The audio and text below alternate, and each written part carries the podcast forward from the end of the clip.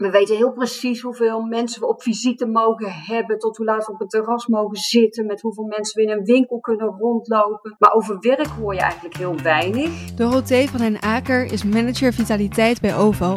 En volgens haar hebben werkgevers en medewerkers ontzettend veel behoefte om weer fysiek samen te werken. OVO is de branchevereniging van onder meer arbodiensten en adviesbureaus. Dit is een podcast van ANP Expert Support. Deze dienst staat los van de ANP-redactie. Luna van der Waarde spreekt vandaag deze expert naar aanleiding van dit ANP-nieuwsbericht. Het kost mensen meer en meer moeite om thuis te werken, valt uit cijfers van het RIVM te halen. In januari bleef 75% van de mensen die thuis konden werken ook echt thuis. Nu doet 66% dat. En dat is ook te merken aan de verkeersdrukte. Op de bekende plekken waar het in de ochtendspits vastliep, is het nu ook weer druk. Ik spreek vandaag met Dorothee van den Aker, manager vitaliteit bij OVO. Hoe komt het nou dat er steeds meer mensen moeite hebben om thuis te werken? Nou, ik denk dat dat iets is dat enerzijds voortkomt uit een behoefte die mensen hebben om weer mensen te gaan ontmoeten, om dingen te gaan ondernemen. We waren allemaal natuurlijk uh, heel erg klaar ook met die lockdown. Ja, enerzijds het overheidsstandpunt is, is ongewijzigd. Hè. Thuiswerken blijft het uh, devies. Tegelijkertijd zien we dat werk en uh, thuiswerken ja, krijgt maar heel erg weinig aandacht in, uh, in de coronapersconferenties. We weten heel precies hoeveel mensen we op visite mogen hebben, tot hoe laat we op het terras mogen zitten, met hoeveel mensen we in een winkel kunnen rondlopen. Maar over werk hoor je eigenlijk heel weinig, terwijl dat heel belangrijk is. Het was ook een hele ingrijpende maatregel, of het is nog steeds een hele ingrijpende maatregel. En dat er op allerlei andere terreinen ook wel versoepelingen zijn. En wat ik net al zei, er ook die sterke behoefte is, zowel bij werkgevers als bij werknemers, om elkaar vaker te ontmoeten en weer terug te gaan naar het gedeeltelijk openen van kantoren. Ja, zien we dat steeds meer mensen op stap gaan en uh, stap voor stap weer teruggaan naar kantoor. We uh, moeten van de overheid in ieder geval tot na de zomer thuiswerken.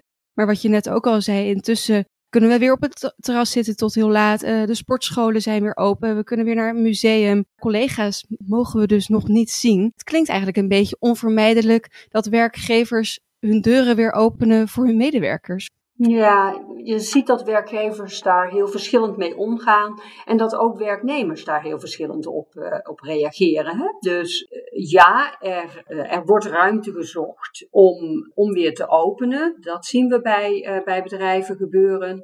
Um, ook om tegemoet te komen aan de behoefte die er is bij, bij werknemers. En dat past in dat beeld wat je zegt van ja, goh, ik mag iedereen zien eigenlijk behalve mijn collega's.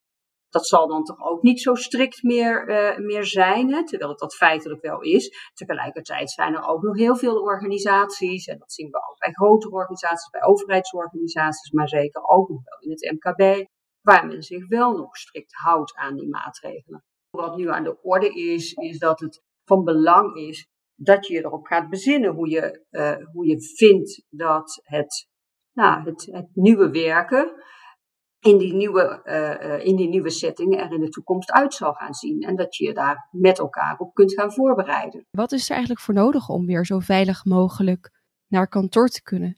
Ja, dat is, het, uh, dat is een goede inrichting.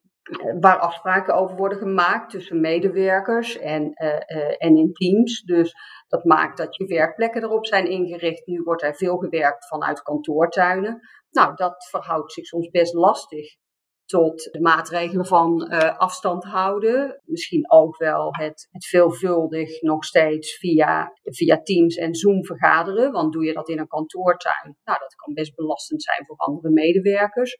Handig als je dat met elkaar afspreekt. De kantooromgeving zal is het idee naar de toekomst toe toch steeds meer ook een plek worden die is gericht op ontmoeting, op beweging, op mensen die misschien twee dagen per week op kantoor zijn, maar ook twee dagen per week thuiswerken. Nou, dat zijn allemaal zaken die je af moet spreken, waar je op voor kunt bereiden. En om dan toch nog even terug te komen op, op het thuiswerken. OVO is uh, de branchevereniging van onder meer arbodiensten.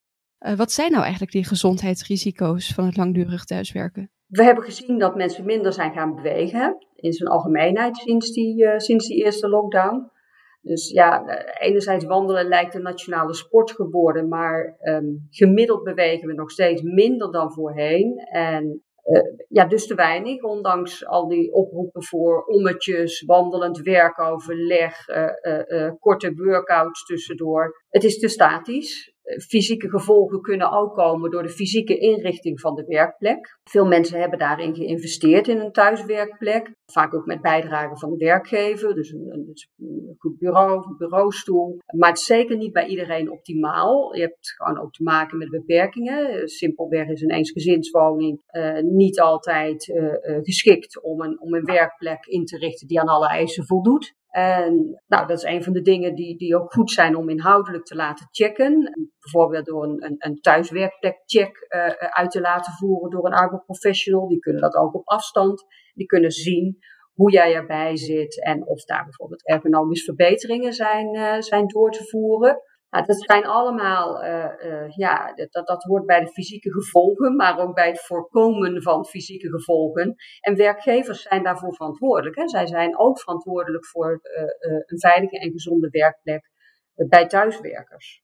is dat ook niet een reden voor werkgevers om hun deuren weer te openen en zeggen, nou kom alsjeblieft terug naar kantoor, want jullie thuiswerkplek is ergonomisch gezien echt niet ideaal. Die signalen ken ik niet, uh, maar daar kan ik me wel iets bij voorstellen. Ik kan me ook het omgekeerde voorstellen van, goh, we hebben hier een kantoor waarvan we weten dat het in ieder geval aan de eisen voldoet. Waarbij we daar ook nog zicht op kunnen houden. We hebben hier de mogelijkheid om, om die goede werkplek te realiseren. We zorgen voor hygiënemaatregelen. Uh, dus we, en we zorgen dat er helderheid is in, in doorstroom. Dus hoe gebruik je een keuken, een wc? Hoe worden de trappen gebruikt?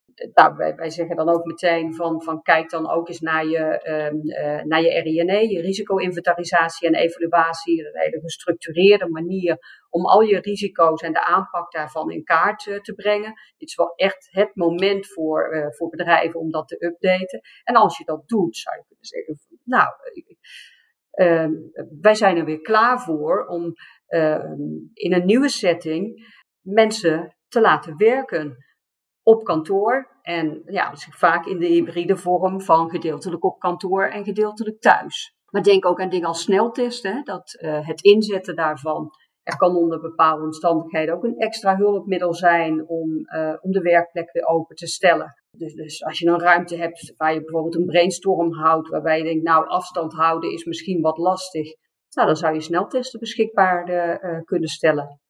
Uh, je noemde net al even de hybride vorm. Uh, zie je dat ook zo voor je, dat, uh, dat we straks in een hybride vorm teruggaan naar kantoor? Of verwacht je dat als iedereen straks gevaccineerd is of met een PCR-test het kantoor binnen kan, dat we weer fulltime naar kantoor kunnen?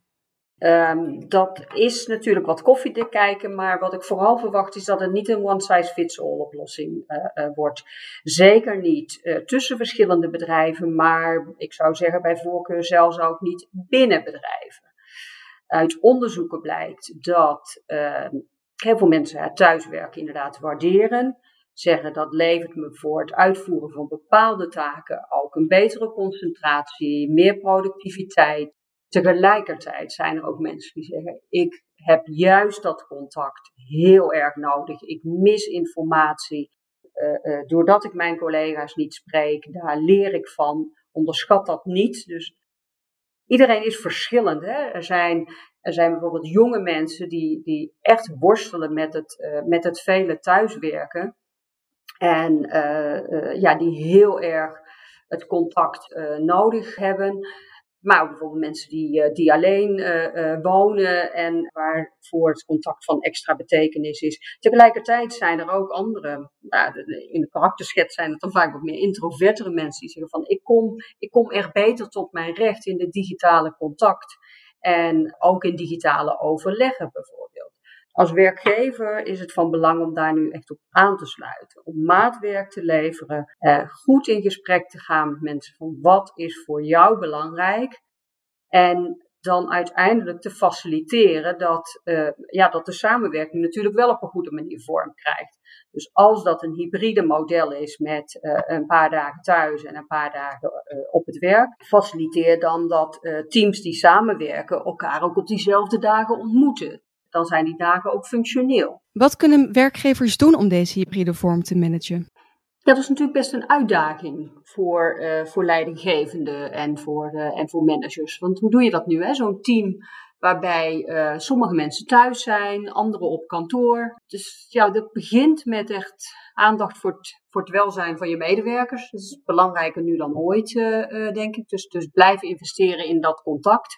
Uh, wat houdt ze bezig? Wat hebben ze nodig? In praktische zin, zou ik zeggen, organiseer dat mensen in ieder geval op vaste momenten als teams bij, met elkaar samen kunnen komen. Je kunt ook investeren in technische voorzieningen, zodat het op een goede manier mogelijk is om zowel fysiek als digitaal bijvoorbeeld aan een vergadering deel te nemen. Sommige bedrijven hebben dat al geregeld, maar uh, in veel bedrijven zal dat echt nog wel een investering uh, zijn. Je zou daar afspraken ook, ook weer over kunnen maken. Dus een soort overlegdag per team waarop je, waarop je zaken clustert. Nou, dat, dat zijn dingen die, die daar zo te bedenken zijn. Nou, heel erg bedankt. Deze en andere experts staan in de database van ANP Expert Support. Ga voor meer informatie naar anp.nl/slash expertcast. Dit is een podcast van ANP Expert Support. Deze dienst staat los van de ANP-redactie